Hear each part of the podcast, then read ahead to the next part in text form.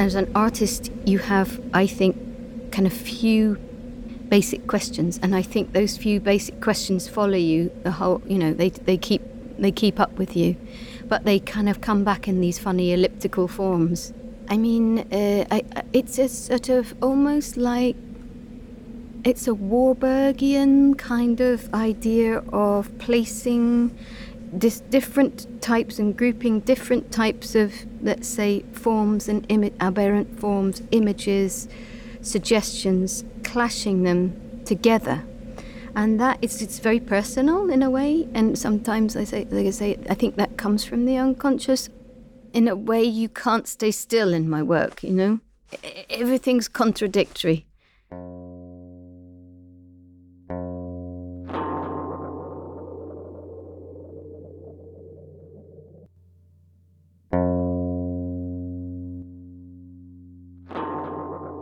Melanie Smith dismantles and ruptures art history in order to generate new associations, stories, and questions in the contemporary spectator.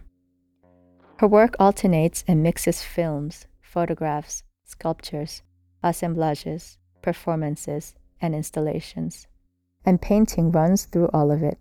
Painting understood as process, as an invisible unifying thread, and also as an object of deconstruction.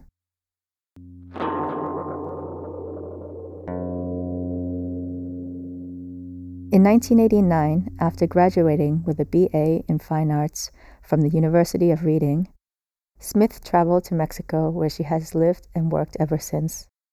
European and Latin American realities collide in her work, generating a sensuous play of contrast tinged with irony through which she exposes the contradictions of the modern project, colonialism, industrialization, and neoliberalism.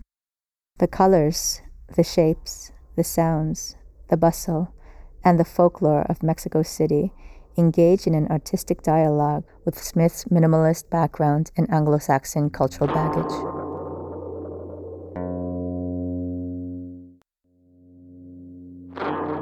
In this podcast, Melanie Smith talks about her encounter with Mexico, her relationship with painting, and the risks of so called political art, which can end up being as dogmatic as the behavior it supposedly condemns. She also reflects on satire and absurdity as tools of subversion and on the need to break down artistic frameworks and surfaces in order to create new realities.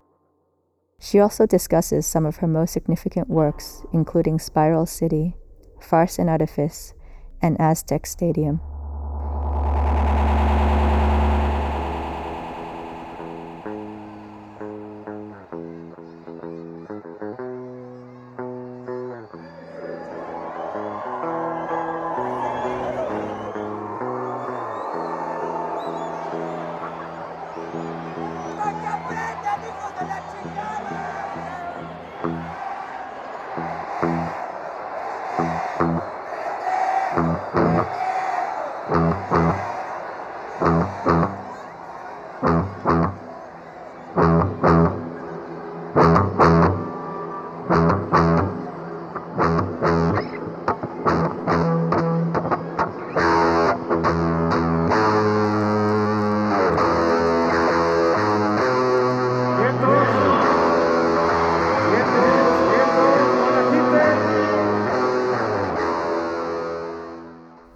Think I'm a painter.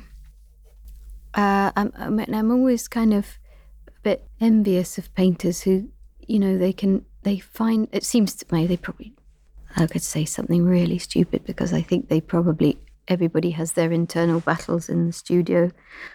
But I think there's some kind of beauty about sort of separating yourself from the world and being in your studio and fighting the white wall and, you know, living in in a in a sort of separate box in a way but i can't live in that separate box. I, I found you know i can't i can't just have pleasure in just being in the studio. But i still need these very quiet moments. But i think the quiet moments and the form of thinking of painting then leads to these bigger moments. And well it takes sometimes quite a lot of well, always a lot of energy and time to get these bigger projects together because they're it's time and money and sites. And it's complex, you know.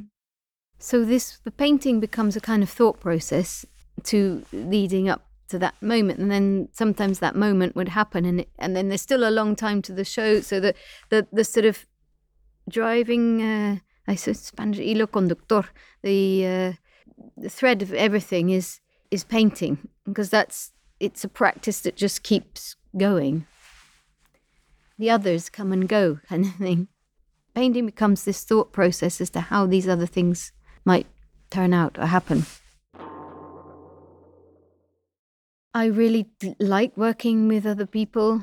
Can be really exhausting, but then many amazing things for me can come and happen in those moments of filming, and especially these off moments where those sometimes those off moments that happen in a project then become a moment for another project. Um, I ha- I have it's it's just intrigue of the absurd of you know putting different people and things in just re- just strange circumstances where they wouldn't normally happen. So for me, these moments of filming are just fantastic. They're, I live for those moments, but they're very high energy kind of moments, and and then I'll kind of drift back into this kind of solitude, you know, where you kind of reflect on those what happened and why it happened, and and and then it kind of gets reduced back to a rectangle always. Mexico. Why did I go there? Why were you? What was that kind of shift that made you want to go there? And the moment when you do something, it's not quite so conscious as it is, where it becomes so much more conscious later on in your life. So I think you probably have to think about, uh, you know, my expectation as an art student at that time in the political context of England at that moment, you know. It was 89, we still had Thatcher in. And you were kind of indoctrinated always that art is something you're really going to have to struggle. You're never going to earn any money. You're always going to be kind of living on the limit and all this kind of thing. And then there was this other feeling for me that the art world was really English. There was, it was, you had to kind of be like 40, 45 before you really could think about having a show. Everything was, financing was really hard. And there was just, it, it just seemed there was no expectation. You know, it was all kind of quite negative. So, I, in, in that sense, my, when I was, you know, having studied for four years, I really just wanted to keep working. You know, I didn't, it didn't, it wasn't much more than that. And, um, there was this opportunity from some friends who were leaving Winchester.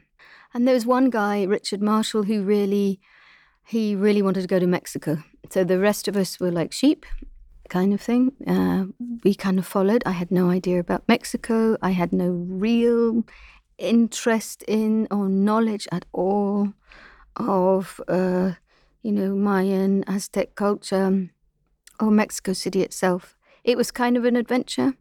And when we arrived, it was just for me like being in a, a sort of transformation of 180 degrees. Of, uh, you know, think of it at, at that time, 89, when were very few foreigners, definitely foreign foreign artists who were working in Mexico.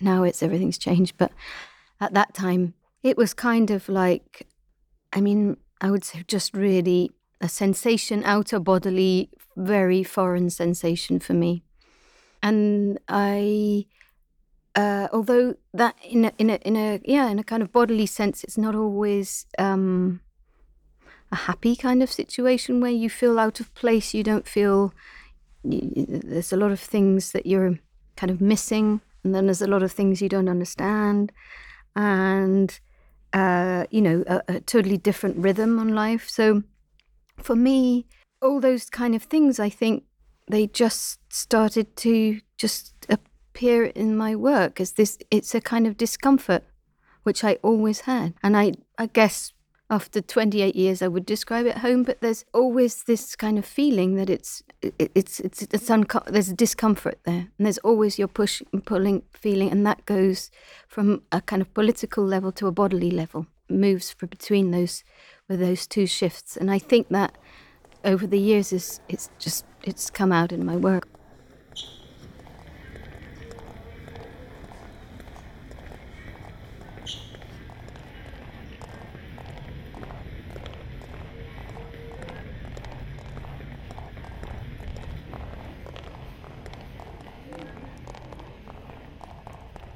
Dismantling minimalism.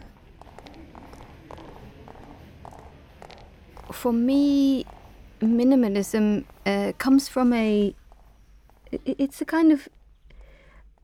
It's a it's a Western construct, I think, in a way. It's it's you know cerebral. We always consider the surface in minimalism to be coming from. Um, it's either industrial surface or nature. So, so uh, especially you know my area of in- interest was this you know painting the surface of painting specifically but um, i had to con- constantly think about kind of uh, corrupting that minimalist surface because that seems so kind of impenetrable in a way. There's a whole kind of westernized discourse around um, abstraction and minimalism.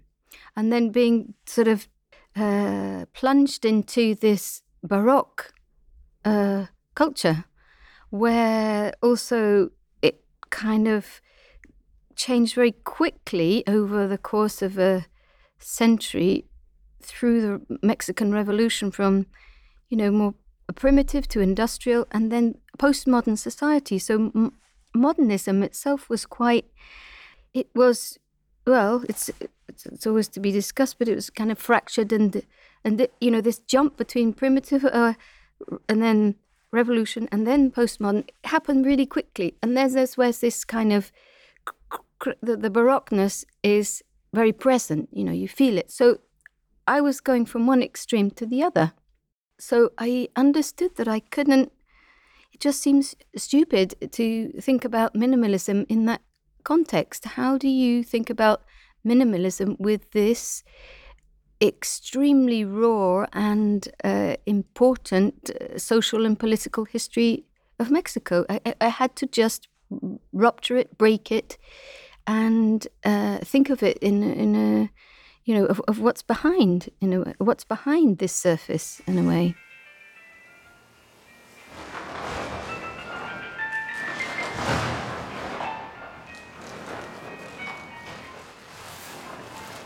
the experience of color, and the inoperativeness of art. But color, color again is the use of color, I think, is probably not formal. It's very, for me, kind of connected with body. It's also connected with the idea that if we go back to the inoperativity of art, that color is totally inoperative. um, you know, you can't pull it down. You can't. It doesn't have a form. It doesn't have. It seeps. It goes to. You know. It it it, it jumps off surfaces. It's uncontrollable. It's so. It's for me another. You know, kind of way of playing with the formlessness of of things, and also, I suppose initially when Orange Lush appeared, um, it was in that time it was about globalization, chemical orange, not natural orange. It was the homogeneity of commercialization, merc- merchandise, plastic stuff, but it was all plastic bodily stuff. But it was it was a sort of a way of homogenizing a kind of sea of stuff that was out there but a sea of stuff that was for sale. You know, and, and, and, it's all orange, these kind of fluorescent orange is always subliminal in your mind as something for sale. You know, it's always a, a placard of something that's needs to be bought or needs to be brought attention to. Um, so for me, color is always kind of it's it's more anthropological in a way than it is formal. Mm, color is sort of this kind of allergy to color in Western eyes. We all tend to like black and white, you know, and a certain aesthetic. So this is just it's like for me, it's the the brightness is is a bad taste. It's kind of kitschy element of. It's kind of you know it's it's in your face and it's irritating and it's and it's tasteless sometimes, you know.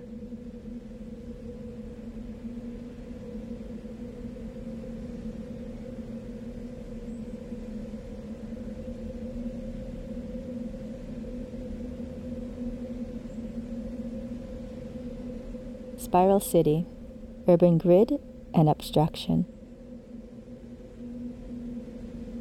Spiral City for me is kind of the the brain of everything of a lot of my you know later productions thinking about you know how if we obvious the title from itself spiral city coming from smithson spiral jetty how the city itself could be kind of a geological crystalline structure which is in a kind of uh, helix like uh, spiral which is constantly transforming and constantly kind of reinterpreting itself to time and architectures etc but spiral city for me and this probably brings up um, uh, uh, is is where i I guess I first start thinking about it's this sort of medulla in a way, the, the, the sort of marrow bone of my production where things start, and this it's where scale starts coming in,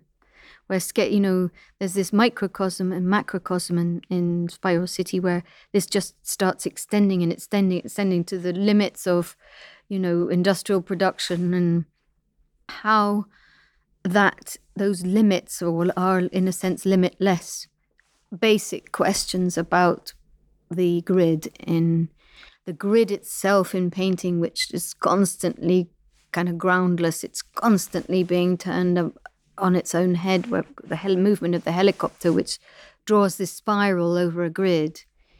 So there's this constant play of things, you know, which might seem quite basic at that time.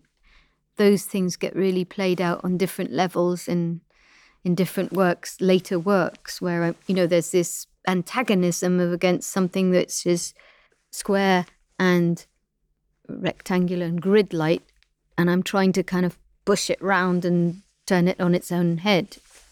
It's apocalyptic because this is this, you know, huge mega city with no monuments, with no landmarks, with it's just, you know, grid and grid and house after house and and growing and growing and growing as the further you get back from it. Um, and so for me, there was putting it in black and white. It was it was like it, it, it went back to the past, and it goes to the future as well.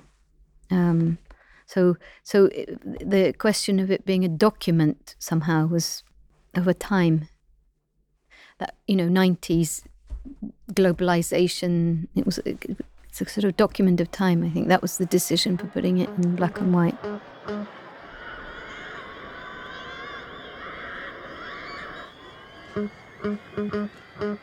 Aztec Stadium Chaos and Modernity.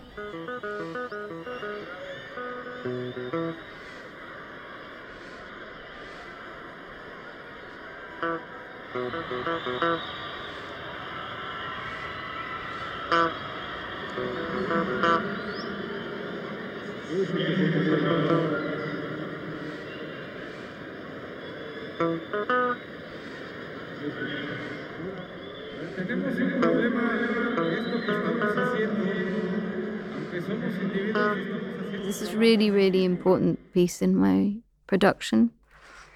Um, just to say before I start talking about it, the, the production, I think it's it's a fundamental question of how about the rectangle, how the rectangle gets played out in my work. You know, the painting plane, how it gets, you know, dispersed into a social plane. Or myself and Rafael Ortega, we'd been trying to get the project going for a couple of two, three years, but you can imagine to to do that was just a huge logistics. So there were a couple of failed attempts. Um, so finally, um, in 2010, Jose Luis Barrios and I and Rafael, we worked together. Finally happened the project in conjunction with Televisa for the so-called celebrations of bicentenary celebrations, 200 years of independence of Mexico. And you know, this was a time we were in the drugs war, we still are, and it was it was uh, you know, very kind of delicate, controversial moment. So and also probably even more delicate to be working with Televisa, uh, the biggest uh, you know, uh, TV network. So Televisa had the, the finally we you know we got the, the, the stadium, which was the kind of important key, and then Bellas Artes they came on board. So we got all the secondary Uh, school students. It was there, I think, in the end, three thousand kids, six thousand school lunches, 12,000 bottles of water, 80 school buses. You know, this is something I'd never done before trying to just imagine sort of what the scale of something in the stadium would be. Would the cards be the right size? Would they all fit together? You know, how were people going? What happens when people want to go to the toilet and then you've got like 30 parts of the image missing? And can you control when people go in and out? And just trying to make the image, understanding that the image had to be printed made into a line. Every image had to have a, a coordination. You know, a, you know, one A, two A, a line it had to be a person at the end of every line, a helper who would distribute the cards and make sure the cards all got on the right order. The day that we filmed, also something very important that Televisa crew had their own team. They had eight or nine cameras, and we had, I think, another I, forget the number. I think it was probably probably six or seven cameras that were all over the place. Uh, you know, and then people, the kids arriving, and then we had a, an assistant director who was supposedly had worked on um, uh, the Titanic, who you know was a crowd controller, and he knew like exactly what to how to you know deal with extras and people, and so we had him with a, a megaphone. Within about half an hour, he was fired when the kids arrived because you know the kids completely out of control. Images kind of came into being, went out of shape. You know, there was no way of controlling you know, it wasn't a film set. They weren't extras on a film set. They, you know, they're kids and they kind of wanted to be there, but they wanted to be on the pitch, you know, where their favorite football player was. They didn't want to be in the in the stands, and it became they started, you know, singing back to us, and um, I thought at that point, oh shit, that this is it's lost. This, you know there's nothing there. Like, oh, this is a disaster. It's a huge amount of money, and uh, and this is just awful. I was really depressed at the end of the day, and really kind of depressed. It was it was strong, you know, because they were. Then they started fighting between the groups of different schools. But then looking at the material, I realized that this was ah, this is actually there's good things in here. Had to edit the edit was really tough because most of the material wasn't that great because it was this is where I started working, you know, with cameramen that were kind of a, their own eye. They didn't have they, you know, and it's very commercial kind of, you know, they do these kind of swinging kind of movements, and you know, my stuff was very kind of paused and deliberate, and so I had to go with that. And this also started onto this other sort of phase in my production, which I'm doing more and more now, is this working with cameramen who don't control, they don't have the same eye as me. You know, they, you get a different result. Um, thinking that removal of the gaze, the removal of the eye. But it, um, it was a, it was a fantastic piece to work on, and I think then set up many of the questions that I'm thinking about now as well. Uno. dos, uno, dos. If we define the sign too much, then we just mimic. I have, as an artist, um, a feeling that way too much art now is operative in the sense that it follows it, it, there's, there's a kind of liberal left feeling like it follows it, it criticizes supposedly criticizes politics. It supposedly criticizes posturing of politics but it actually um, mimics it it becomes operative because it's use this kind of certain amount of deconstruction about race, about uh, immigration, about migration, about unfairness, unjustifiedness of the world. Actually, for me, at least, it actually mimics the politics itself, because this is, in a sense, we have got to an understanding now where politicians should be or politics should be open enough to accept criticism you know, in museums in public museums and but for my, to my mind this becomes operative with politics itself. So my where i'm going back to this point of contingency and unoperativeness i'm not sure if that's even a word that my feeling as an artist is it's not that i want to say that nonsense you know, not just to create nonsense because that would be completely stupid. But it, it, I think it it's about being an operative, about uh, creating uh, a kind of these certain sets of uh, conflicts, which more hopefully for a spectator would open questions and not l- align you with I'm an artist. I'm telling you this is really bad about the world. The world's really awful. And this is black and white, and this is how the world is. I, I feel that this unoperativeness is also a, a kind of a posture. Uh, oh, uh, that's a bad word. It's it, it, the unoperativeness. It has to do with the logic of chaos as well, of course it's kind of, I think, to do with the idea of losing sign, significado. Because if we define the sign too much, then we just mimic. Can we see humor as a kind of, uh, in a way, in a, a kind of perforation and political gesture?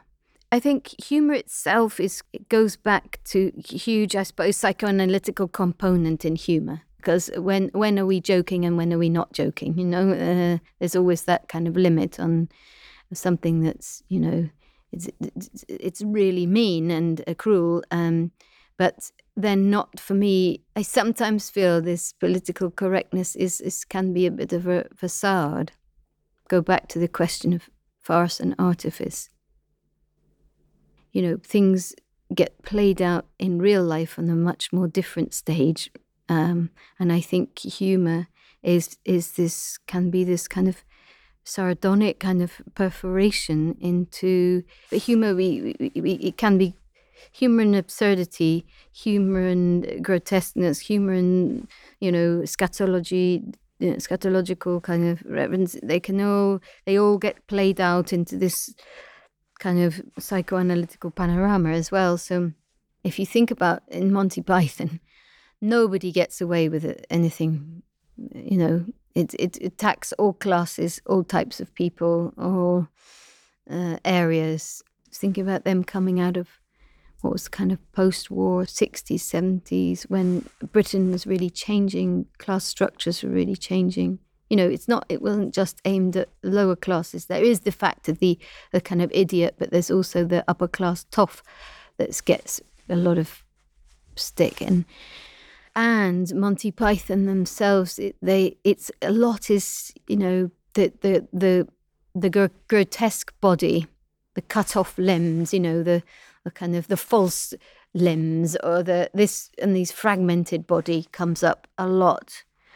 I've actually written a bit about this and you know how they not just me other people have written about it too about how you know Monty Python go back to Bakhtin Mikhail Bakhtin the idea of the medieval body you know it gets played out in um, Monty Python uh, in the Holy Grail where all these limbs are always being cut off and um, Mikhail Bakhtin talks about or, or, how they were a kind of you know uh, influenced really by his writing and medieval life where laughter in medieval life was a really important factor you know the fiesta the carnival the carnivalesque. Um, as where in the carnivalesque the the figures of you know kings and nobility uh, were all mixed in with peasants and the roles were inverted in in carnival time. So it's, it's this kind of relationship of how the town the plebe uh, plebe pleb mixed with high society which is thinking of a modern term english is really this is what monty python play out a lot you know it's this a mixture of you know high society and and and low society, you know. So and this is something which, for me, and, and, it definitely gets played out in my work in in the sort of a dislodging of political apparatus. This strangeness is something that might suspend you in the present, but it's like a kind of strange puzzle that maybe you can't work out. A kind of strange suspension of time because you get the reference that there's something historical there so there's this yeah, clashing of time where you create a kind of no time and a non moment.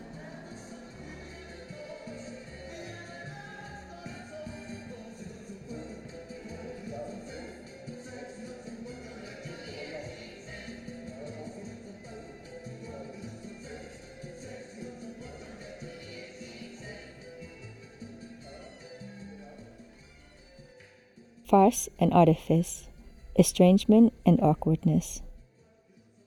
Yes, I found these photos probably early 2000s, and they produce a kind of feeling in me that they they look kind of like left wing theatre bodies, people. Again, you know, kind of on a they're on a stage. We don't know the context. There's militaries. There's you know kind of false blood, um, and there's sort of curtains and and then people forming like a a kind of tree of looks like a genealogical tree in with nude bodies. And these photos for me it was uh, i mean uh, eventually i suppose it has to do you know question of desire or it's i I'm not part of this. This is something I don't understand. You know, this is I can see that it's unreal. I think I can see the farce. I couldn't even say that I love But I them. don't understand it. So I wrote this text. I wasn't sitting down to contemplate them. I wasn't engulfing myself in them. I was sorting them out, but none seemed to be really right, neither as photographic performance nor as a narrative compendium. If I were ever to show them to friends, I could doubt that these photographs would mean anything. What I know of these photographs is that they have no link with my existence. And the paintings that are on the platform in Farce and Artifice, then they be- they're all taken from extracts from these photos. Military outfits. There's like uh, palm trees. There's uh, it, it's quite a subtle kind of relationship. There's one of like a yellow netting where the yellow netting is also appears in the photographs, and then they get uh, that, that was kind of I, I worked that parallel. Then meanwhile, in a in a performance, uh, uh, in an exhibition, I was asked to show these photographs and think about a performance. That was it was a different moment. So I did this kind of tandem where the photographs were projected, and I did this performance of as if this um, was a, a friend of mine like me, Anglo Saxon, white, I asked her to, uh, if she would just sort of in a way, like make a fool of herself in front of people by being taught how to do dance steps, you know, salsa dance steps. She didn't really know anything about dancing with this Cuban guy, actually. And um, so the the whole uh, performance is very kind of she's trying, he's try, he's flowing, she's not, you know, he, she's we repeat the steps and and it was it put her in. She was me, really uh, you know, maybe it's a bit cowardly. I should have done.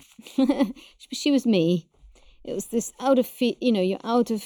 You, you can't quite get into step, but you tried to. There was all this in the headphones that people would watch the performance. There's some English guy shouting instructions. You know, one, two, three. Steps one, two, and three. Leader, someone trying to tell you how to understand a culture by numbers, by instructions, which is impossible, you know. And step to left on left foot. Steps four, five, and six. Leader. Step slightly back on right foot. Then turn quarter turn to left and step forward on left foot. Then bring right foot forward to close position. So then, this performance and the paintings and the um, photographs, they became this platform. So it was a sort of second stage of the project, which is quite common in my work. It, one stage then becomes another stage. So it's very common that there's these stages um, that get played out according to the circumstance, really.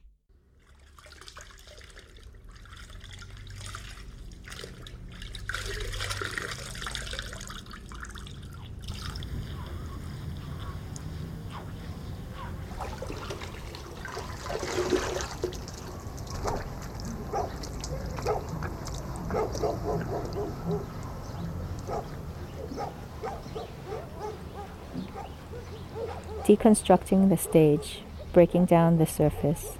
Parres and Xilitla.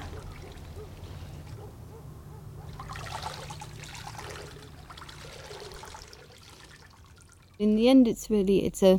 Of course, I think somehow that's a that's a political gesture. Um, it's about um, probably deconstructing the stage and the backstage, you know, uh, at the very quick, superficial glance, really. But also, um, for me, again, it has to do with sort of perforating some level of perfection, which is, again, it, it feels like this is more, well, at least when I was growing up, this is somewhere where I feel like I, I came from, where surfaces there was a sort of you know utopian kind of um, kind of construction of life surface politics and understanding of the world which we clearly all know that that's totally you know cracked and faulty and ridiculous. I guess in the end it's it's it's kind of breaking down surface where i want to sometimes use these like very high tech you know uh, or 35 millimeter or you know in the case of the aztec stadium you know using this huge kind of crew of people this uh, huge structure to produce something which is actually quite crappy and kind of uh, uh, has a kind of a sort of broken down faulty texture so it's kind again there's that contradiction of using sometimes like 35 millimeter in Xilitla, where you'd think you, you're going to the jungle, you want to film something very beautiful, and but no, it's it's. I feel that history's been told. You know, I feel I need to have it. I, I need to tell another history, and that is kind of always breaking down the surface through kind of with real people, uh, circumstances where you a bit edgy, people that aren't actors, people that kind of don't quite know how to re- react to the camera.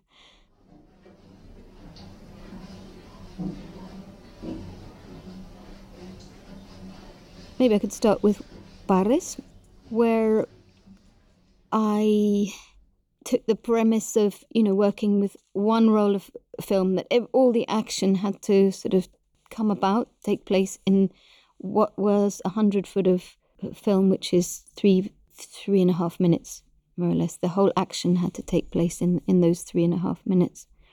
I think in the case of Parres, it was about sort of kind of Duchampian idea of using the um, glass as a, as a kind of trick, an understanding that there's this guy who's coming towards, walking towards the camera, and suddenly he picks up this kind of huge compressor, really, but it's it's a kind of air compressor, paint compressor, you know, that pumps out the paint.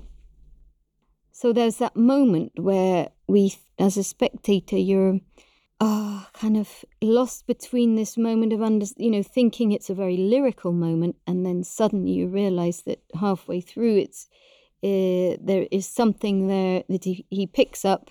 He does something, a gesture that we wouldn't expect. You might be thinking a long, really long, long shot. You're thinking Tarkovsky. You're thinking, you know, like the melancholic landscape and behind, and then suddenly he breaks with this whole feeling of what this sense of what you think the film might be about.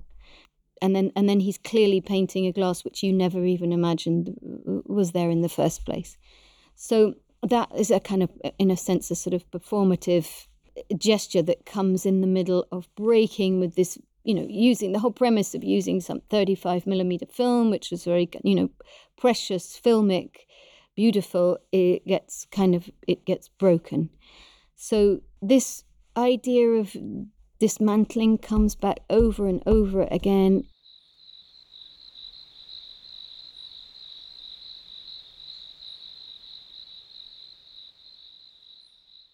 Xilitla, for example, where, uh, you know, there's this again, a frame mirror gets taken through the garden, but it's constantly where you think you're being led, you're actually not.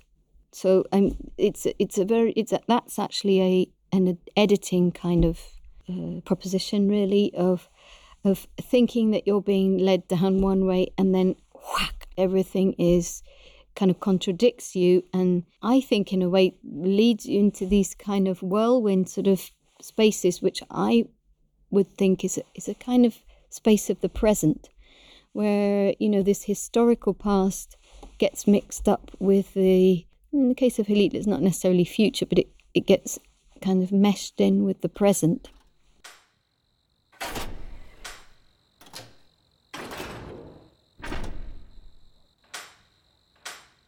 You know, modernism itself was not separate ever when we we always kind of consider how to, these there's always this sort of modernism that was you know Latin America and then you know European Occidental modernism. So what I'm doing in, eh, as I say, sometimes it's quite unconscious, but is is this kind of like throwing these two together.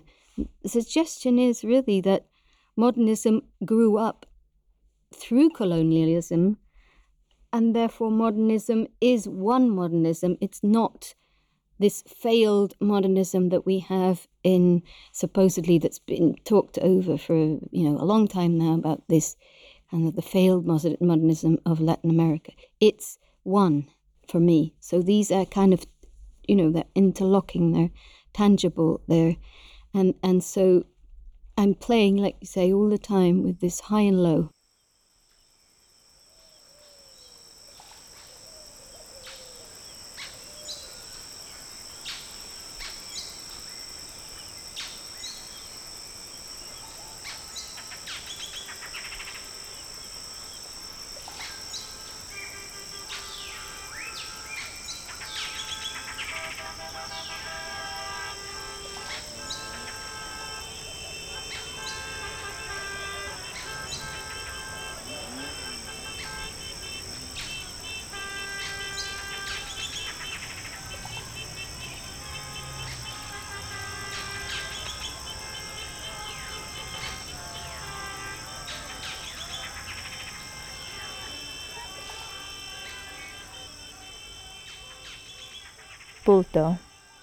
Postcolonialism and Phantasmagoric Identities.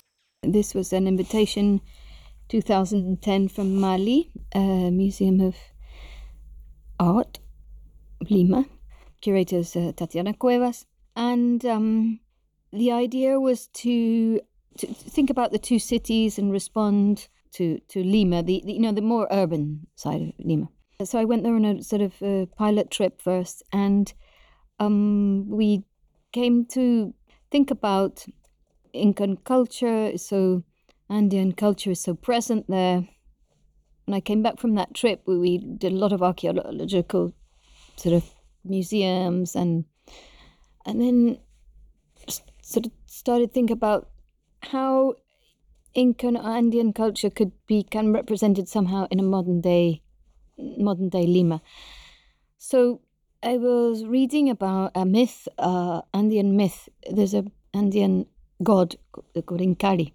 And the myth goes that Incari, when he was killed, his head was separated from his the rest of his body, and that until Incari's head and body were joined again, there would no longer be peace in in the country or in the land.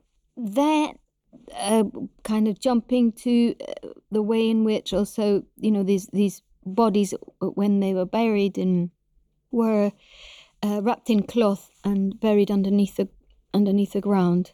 The bodies were it was a sort of ceremonial thing of how the bodies were, you know, wrapped, preserved, and then put underground. In Spanish, they're called fardos funerarios. And so that's how the bulto started off. Really, it was this idea of a question of uh, uh, of identity, as there's never been a revolution in in Peru, thinking again of like this kind of disjunctive question of unity, disunity, or, or identity, really. I'm not saying that necessarily it was a question that is, uh, you know, unique to Peru, but it's probably a kind of a colonial question that, you know, identity has been, you know, um, kind of imposed on different countries and cultures. So the bulto is this thing, uh, and like I would definitely this could be called an aberrant form. No, um, it's this thing which has a kind. It's well, it's obviously got a shape and it's got a color, but it it's constantly circulates and nobody wants it and nobody knows what to do with it and nobody knows really if it's theirs or if it's the other person's. Um, so it's this story of not kind of belonging, but in you try to on, throughout the narrative, uh, it, you know, it goes through different stratas of life classes. It goes through a collector's house. It goes to an archaeological site. It goes through schools. It goes through in a bus, and it goes out to sea, and then it comes back. But it never goes away. It just circulates. the The whole story is about, you know, this undisappearing story of a phantasmagoric identity that just doesn't go away.